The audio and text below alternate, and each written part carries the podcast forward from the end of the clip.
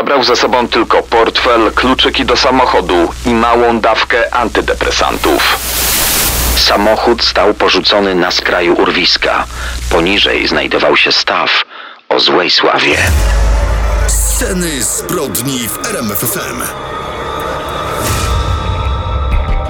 Wyobraźcie sobie, że dochodzi do zaginięcia znanego aktora, że nagle znika sławny muzyk. Albo sportowiec jakiś przepada bez wieści. Zaginięcia gwiazd, celebrytów to sprawy, które dziś wywołałyby ogromne poruszenie w internecie. Przed wieloma laty za to pisały o takich zaginięciach gazety i dzisiaj ze stosami pożółkłych czasopism jesteśmy w studiu.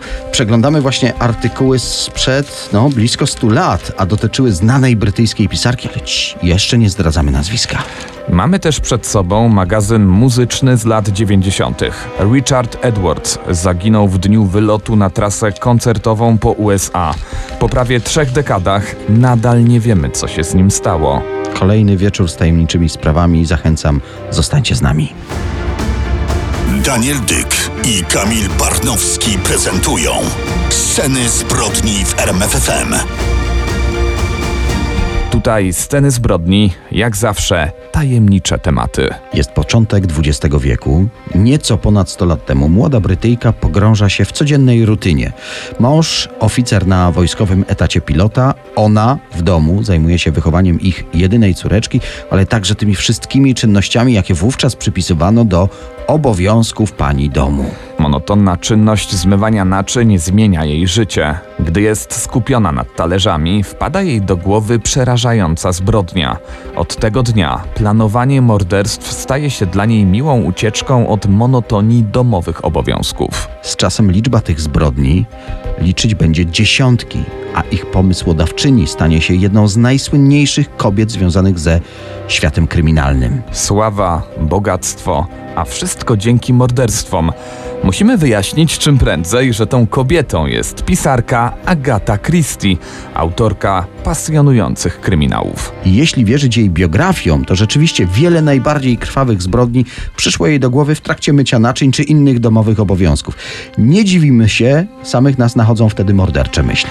Agata Mary Clarissa Miller przyszła na świat 15 września 1890 roku. Południowo-zachodnia Anglia, miejscowość Torquay na Półwyspie Kornwalijskim to najcieplejszy region Anglii. Miasteczko z łagodnym klimatem, z białymi domami pośród zielonych pagórków, wrzosowiska, torfowiska, no a przede wszystkim morskie wybrzeże. Torki w XIX wieku zaczęło przyciągać turystów. Tu właśnie znajduje się posiadłość jej matki, Ashfield. I w tej wytwornej rezydencji spędza większość swojego dzieciństwa, ma nawet domowe nauczanie. Jej towarzyszami zabaw są głównie starsza siostra i starszy brat. W wieku 11 lat umiera jej tato. Gdy ma 22 lata, w trakcie balu w tej właśnie rezydencji poznaje 23-letniego pułkownika brytyjskiej armii Archibalda Christie. Wielka miłość. Dwa lata później, w Wigilię 1914 roku, para pobiera się. No, trwa już wtedy pierwsza wojna światowa. Dla oficera, w dodatku pilota, to jest czas wyjątkowy. Ale i ona służy krajowi jak potrafi. Jako pielęgniarka pracuje w szpitalu. Zostaje także asystentką aptekarza, a później technikiem farmaceutycznym. To właśnie znajomość leków, ale i trucizn przydaje się, by na łamach swoich powieści uśmiercać niezwykle pomysłowo swoich bohaterów. Po zakończeniu wojny para doczekała się córki, a już w roku 1920 Agata Christie wydała pierwszą książkę detektywistyczną. Tajemnicza historia w Styles. To właśnie na jej kartach pojawił się osobliwy detektyw Hercules Poirot, który stanie się ulubieńcem czytelników, no i samej pisarce zapewni sławę, a także ogromny majątek. Tak docieramy w tej historii do roku 1926. Agata Christie wtedy jeszcze nie wie, że stanie się ikoną, najbardziej popularną pisarką kryminałów na świecie i prawdopodobnie w historii. Jej powieści przetłumaczone zostaną na 45 języków. Wydrukowanych zostanie miliard egzemplarzy książek z jej nazwiskiem na okładce. Na razie jest, powiedzmy, umiarkowanie popularna. Wydała właśnie swój szósty kryminał Zabójstwo Rogera Aykroyda. Wydawca jest niezadowolony, powieść mu się nie podoba. Dodatkowy cios pisarka otrzymuje w życiu prywatnym. Umiera jej mama. Wychodzi też na jaw, że starszy brat jest uzależniony od narkotyków. I jeszcze jeden cios. Jej mąż, który wcześniej wdawał się w przelotne romanse, tym razem zapowiada rozwód. Nie pomagają błagania, by nie zostawiał żony i siedmioletniej córki Rosalind. Mężczyzna nie chce skończyć romansu. I nagle, pod koniec tego niezwykle trudnego roku, Agata Christie zaginęła. 1926. Co to był dla niej za rok? Umiera mama, brat okazuje się narkomanem, mąż zakochuje się w kochance na tyle, że zapowiada rozwód, a wydawca krytykuje jej nową książkę. I kiedy wydaje się, że gorzej być nie może, 3 grudnia 36-letnia Agata Christie zaginęła. Ostatni raz widziana była w swojej rezydencji w Styles. Ucałowała przed snem, jak zwykle, swoją siedmioletnią córkę Rosalind. Około godziny 21.45 wsiadła do samochodu Morris Cowley i odjechała w nieznanym kierunku. Nad ranem na ten samochód natrafiono na bocznej drodze. Stał porzucony na skraju urwiska w pobliżu miejscowości Guildford. Poniżej znajdował się staw Silent Spring. O złej sławie krążyły opowieści po okolicy, jak to utopiła się w nim dwójka dzieci. Pierwsza myśl śledczych. Pisarkę mógł spotkać podobny los. Tę tezę zdaje się potwierdzać zawartość pojazdu. Pozostawione najpotrzebniejsze przedmioty.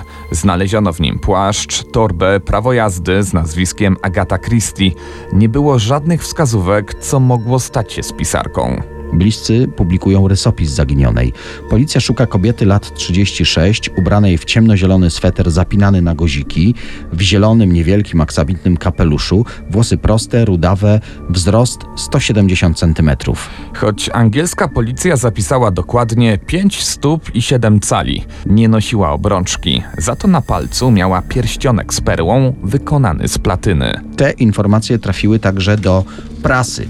Wiadomość, że zaginioną jest pisarka, zyskująca popularność, sprawiła, że o zaginięciu, no właściwie mówiło się w całej Wielkiej Brytanii. Ba, nawet amerykański The New York Times poświęcił zaginięciu artykuł. Na przeszukanie okolicznych terenów stawiło się, wyobraźcie sobie, aż 15 tysięcy ochotników. Do tego ekipy z psami tropiącymi. Nawet dwupłatowe samoloty przeczesywały okolice na niskiej wysokości. Piloci wypatrywali ciała lub błąkającej się kobiety. Jednak nie natrafiono na ślady pisarki ani w okolicy jeziora, ani w lasach. W poszukiwaniach wziął udział również inny sławny pisarz, Arthur Conan Doyle, który stworzył, nasi słuchacze na pewno wiedzą, słynnego detektywa Sherlocka Holmesa. Nie wszyscy wiedzą, że ten tak racjonalnie potrafiący wytłumaczyć każdą zawiłą sprawę pisarz prywatnie wierzył w zjawiska paranormalne. Dlatego pomógł na swój sposób. Poprosił sekretarza pisarki o jedną z rękawiczek Christie. Udał się z nią do najsłynniejszego brytyjskiego medium.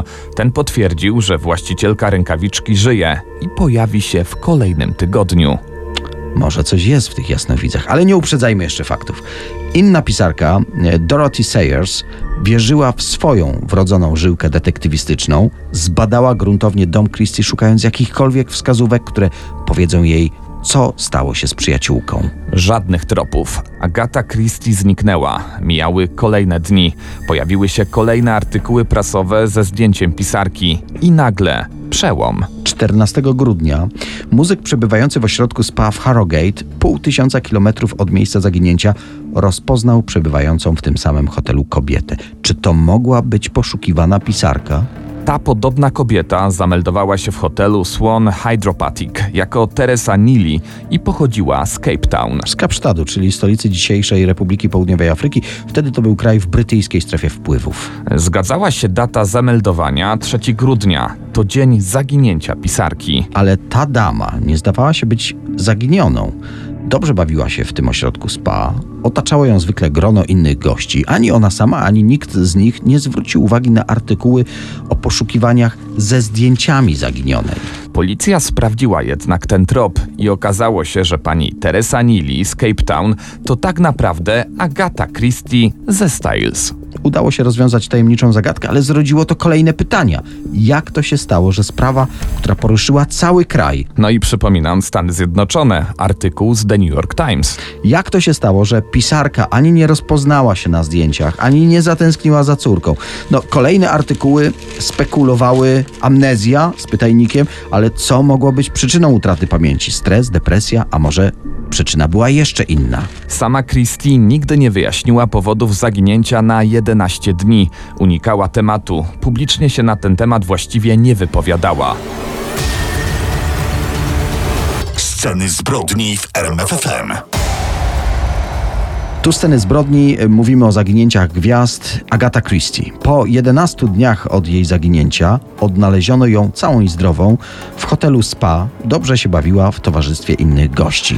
Gazeta z 26 roku pisała dramatyczne spotkanie z mężem w słynnym Hydro.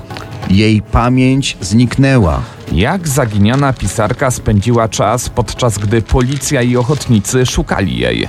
Z wywiadu udzielonego gazecie Daily Herald y, przez męża Archibalda Christie wynika, że jego żona cierpiała wskutek całkowitej utraty pamięci. Ona nie wie zupełnie, dlaczego się tu znajduje. No właśnie, obiecaliśmy przedstawić hipotezę tego zaginięcia. Ta wersja, powtarzana przez męża o utracie pamięci, jest najpopularniejszą dla ówczesnych. O niej pisały gazety. Do zaburzeń pamięci według wersji męża doszło na skutek wypadku samochodowego. Przyhamowała ostro przy urwisku, uderzyła się w głowę. W jednej z gazet czytamy, że amnezja to skutek stresów. Mówiliśmy, że był to niezwykle trudny rok dla pisarki. Inna wersja mówi, że dla zdrowotności poddała się terapii i to na skutek zbyt dużego napięcia być może miała utracić chwilowo pamięć. W gazetach eksperci wypowiadali się, że możliwym jest utracić chwilowo pamięć wskutek załamania nerwowego. Mówiliśmy, że pisarka unikała tego tematu, ale w jednym z wywiadów tak opisała to zdarzenie. Przez 24 godziny błąkałam się, jak w jakimś przedziwnym śnie. Ocknęłam się w Harrogate, jako całkiem spełniona, zadowolona z życia kobieta, która jest całkowicie przekonana, że właśnie przyjechała z południowej Afryki. No to inna wersja. Dumna pani Christie postanowiła zrobić na złość mężowi. Wspominaliśmy, że pułkownik miał skłonność do romansów. To, że żona zrobiła karierę w środowisku literackim, sprawiło, że czuł się gorszy. Po prostu zazdrościł jej. uspokajał nerwy w trakcie gry w golfa. Nader często bywał na polu golfowym i tam też poznał kolejną kochankę, młodszą, ładniejszą, ponętniejszą od żony Nancy Neely.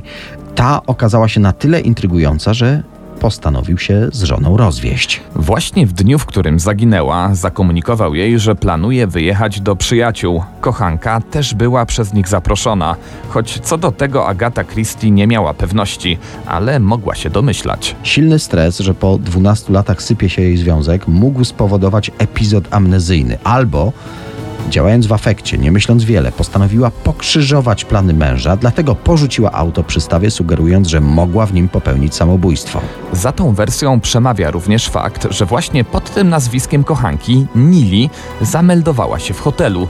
Dodajmy, że zanim do tego hotelu przyjechała, z samochodu dotarła pieszo na stację kolejową, złapała pociąg do Londynu, a stamtąd do Spa. Po drodze w stolicy Anglii wysłała uspokajający list do brata męża, Campbella, że potrzebuje przerwy, że jedzie odpocząć w Yorkshire, żeby się o nią nie martwili. Mówisz, że wysłała list, co świadczy, że nie chciała tak zupełnie zniknąć.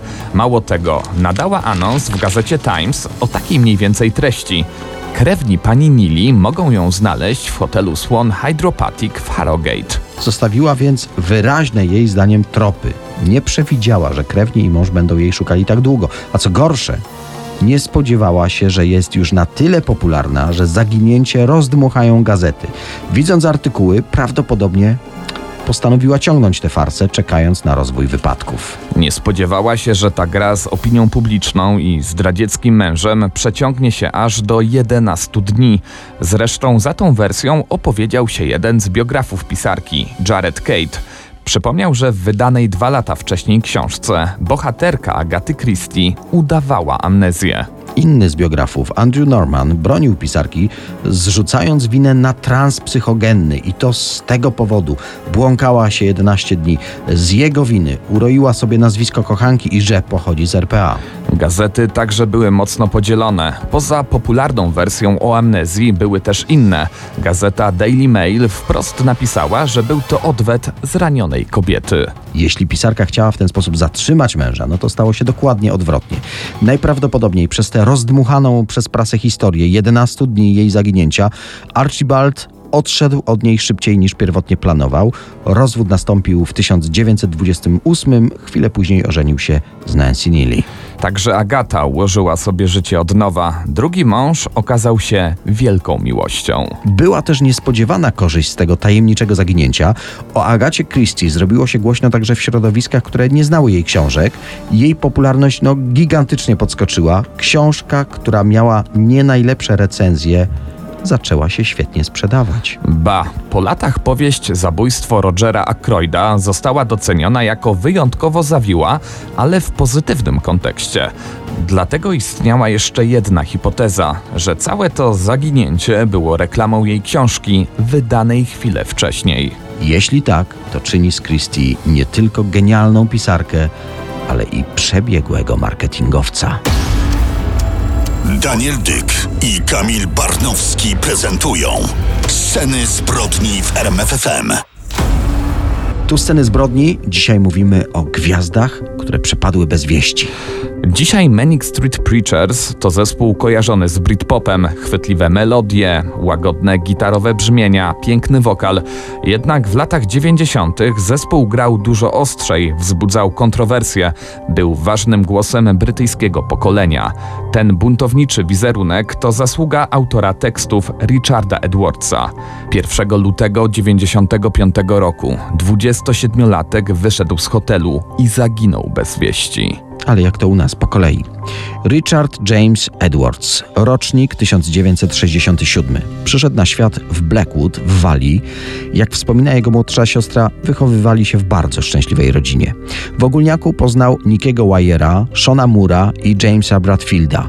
Chłopaki, jak prawie każdy ówczesny nastolatek, fantazjowali o karierze rock'n'rollowców, ale im jako nielicznym to marzenie udało się zrealizować. Ta trójka Walijczyków powołała do życia zespół Manic Street Preachers. Edwards, nieobdarzony talentem muzycznym, pomagał swoim kolegom, prowadził bus zespołu i był pracownikiem technicznym. Z czasem niezwykle oczytany i inteligentny, wtedy już absolwent historii politycznej, dołączył do formacji i stał się jej niezwykle twórczą częścią. Mimo tego, że właściwie nie potrafił grać na gitarze, na scenie stał właśnie z tym instrumentem. Energicznie uderzał w struny, podczas gdy gitara nie była podpięta do wzmacniacza, ale i tak stał się centralną postacią grupy. Znalazłem zdanie, które doskonale oddaje wpływ Edwardsa na zespół. Był sercem i posiniaczoną duszą grupy. Problemy artysty są widoczne w mrocznych tekstach, które pisał. Cierpiał na depresję, o czym otwarcie mówił w wywiadach. Miał gigantyczne problemy ze snem, dlatego aby szybciej zasnąć, pił. Tak uzależnił się od alkoholu. Do tego zaburzenia odżywiania spowodowane przed przybraniem na wadze od wypitych procentów wpadł w błędne koło. Jak napisał w jednym tekście: Jem za dużo, aby umrzeć i za mało, żeby żyć. Siedzę po środku i czekam. Do historii przeszedł wywiad, którego udzielił wpływowemu magazynowi Enemy. Podczas rozmowy dziennikarz podważał to, z jaką powagą tekściarz zespołu podchodzi do sztuki. W pewnym momencie Edwards wyciągnął ostrze i wyciął na swojej ręce napis For Real, czyli naprawdę. Krew obficie spływała z przedramienia, ale Edwards kontynuował swoją wypowiedź. W efekcie tego no, nieodpowiedzialnego zachowania Walijczykowi założono aż 18 szwów. W końcu Richard ze względu na swoje narastające problemy trafił do szpitala, a potem na odwyk.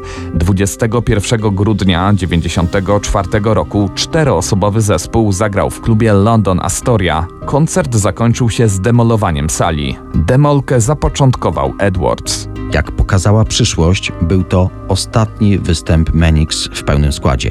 Dwa miesiące później ekscentryczny autor tekstów i gitarzysta zaginął w tajemniczych okolicznościach. Przenosimy się do 1 lutego 1995 roku. James Bradfield przyjechał do hotelu Embassy w Londynie, gdzie nocował Richard Edwards. Tego dnia zespół Manic Street Preachers miał wylecieć do USA na trasę promocyjną. James zapukał do pokoju swojego kolegi, ale nikt nie odpowiadał. Skontaktował się więc z obsługą. Szybko ustalono, że Edwards wymeldował się z hotelu o 7 rano. W pokoju zostawił swoją walizkę. Zabrał tylko dokumenty, portfel, kluczyki do samochodu i małą dawkę antydepresantów. Mężczyzna po wyjściu z hotelu Embassy pojechał do swojego mieszkania w Cardiff. Tam zostawił paszport i karty kredytowe. I tutaj właściwie ślad się urywa. Przez dwa tygodnie poprzedzające tajemnicze zniknięcie wypłacał codziennie ze swojego konta 200 funtów, na co Edwardsowi potrzebna była taka spora kwota. 3 lutego rodzice zaginionego opublikowali w gazecie apel do syna. Prosili, aby wrócił do domu. Przez następne dni do śledczych zgłaszają się rozmaici świadkowie, którzy twierdzą, że spotkali Edwardsa. Ktoś widział go w Newport w biurze paszportowym, ktoś inny na tamtejszym dworcu autobusowym. Policja dotarła również do taksówkarza z Newport, który miał odebrać Richarda z hotelu. Muzyk nakazał kierowcy, aby jechał do kilku lokalizacji położonych za miastem, w tym do rodzinnego Blackwood. Finalnie Richard Edwards miał wysiąść na stacji Severn View obok wioski Ost. Za całą podróż zapłacił gotówką 68 funtów. Taksówkarz wspominał, że klient mówił z walijskim akcentem, jednak czy to na pewno był zaginiony, tego nie wiemy. Pewne jest natomiast to, że dwa tygodnie po zniknięciu członka Manic Street Preachers, samochód Edwardsa, dokładnie Vauxhall Cavalier, znaleziono na wspomnianej stacji Severn View. Wnętrze auta wskazywało na to, że ktoś w nim mieszkał przez jakiś czas. Oprócz opakowań po jedzeniu i zdjęć rodziny muzyka, w samochodzie znaleziono również potwierdzenie opłaty za przejazd przez most Severn 1 lutego o godzinie 2.55 po południu. Po wielu latach wyszło na jaw, że śledczy źle zinterpretowali godzinę, jaka widniała na kwitku, nie po południu. System na moście korzystał z 24-godzinnego zegara, więc zaginiony kupił bilet o 2.55 w nocy. I ten błąd miał wpływ na późniejszy kierunek poszukiwań. Wspomniany Vauxhall Cavalier Muzyka został porzucony niedaleko Severn Bridge, łączącego Anglię z Walią. Konstrukcja o długości ponad 1600 metrów nazywana jest również mostem samobójców. Policja była przekonana, że zniszczony życiem artysta utopił się w rzece Severn. Jednak do dzisiaj nie odnaleziono jego ciała. Wielokrotnie on sam podkreślał również, że mimo problemów nie targnie się na swoje życie. Dlatego te wersje zdecydowanie odrzucali fani muzyka. Pojawiły się również doniesienia o zupełnie innym, sensacyjnym powodzie zniknięcia tego muzyka. Sceny zbrodni w RMFFM. Muzyk zaginął 1 lutego 1995 roku. Jedna z popularnych hipotez w tej sprawie zakłada, że artysta upozorował swoją śmierć, aby zacząć nowe życie z dala od presji świata muzyki. Pikanterii tej wersji dodaje fakt, że wujek Walijczyka również zniknął na jakiś czas. Dokładnie na przełomie lat 60. i 70. podróżował on z wykładami do Teksasu. Pewnego razu mężczyzna nie wrócił z takiego wyjazdu. Nie było z nim kontaktu, uwaga, przez ponad 10 lat. Edwardsa bardzo ta historia wujka fascynowała. Gdy był nastolatkiem, czytał książki, gdzie przewija się wątek takiej doskonałej ucieczki. Dodatkowo kilka osób miało widzieć artystę na hipisowskim szlaku w Indiach i Wyspach Kanaryjskich. Inni wskazują, że mógł zginąć podczas wielkiego tsunami w 2004 roku. Według innej wersji muzyk wyjechał do Izraela za sprawą znajomej, którą poznał w szpitalu. Zrozpaczeni fani starali się również szukać przyczyny zniknięcia Edwardsa w jego tekstach, przypisując im różnego rodzaju tajemne znaczenia. To może jeszcze jeden y, ciekawy fakt. W noc poprzedzającą zaginięcie mężczyzny do jego pokoju przyszła niejaka Vivien. Walijczyk chciał jej nawet oddać swój paszport. Czy ta kobieta miała jakiś związek ze zniknięciem muzyka? Mimo wielu sensacyjnych wątków i teorii w tej sprawie, Richard Edwards najprawdopodobniej popełnił samobójstwo. Rodzina zaginionego wskazuje na bagatelizowanie sprawy przez policję oraz wiele błędów w śledztwie. Między innymi nie sprawdzono dostępnych już wtedy kamer monitoringu niedaleko mostu. Dodajmy, że krótko przed zaginięciem zmarł jego ukochany pies. Jego stan psychiczny stale się pogarszał. Niedawno zakończony związek pewnie również mógł mieć na to jakiś wpływ. W jednym z wywiadów siostra Edwardsa wspomniała o opowiadaniu, które napisał artysta, gdy miał zaledwie 13 lat. Dokładnie pisał w nim o ucieczce przez most Severn, ten sam most, obok którego 14 lat później znaleziono jego porzucony samochód. 23 listopada 2008 roku rodzina uznała wybitnego autora tekstów za zmarłego. Tym samym Richard James Edwards dołączył do słynnego mrocznego klubu 27, czyli gwiazd rock'n'rolla, które odeszły w tak młodym wieku. Muzyk, który otwarcie wspominał o walce z ciężką depresją, przyczynił się do rozpoczęcia w mediach debaty na temat zdrowia psychicznego młodych ludzi. Wydany w 2009 roku album Manic Street Preachers składa się w całości z tekstów, które napisał Richard Edwards. Sceny zbrodni.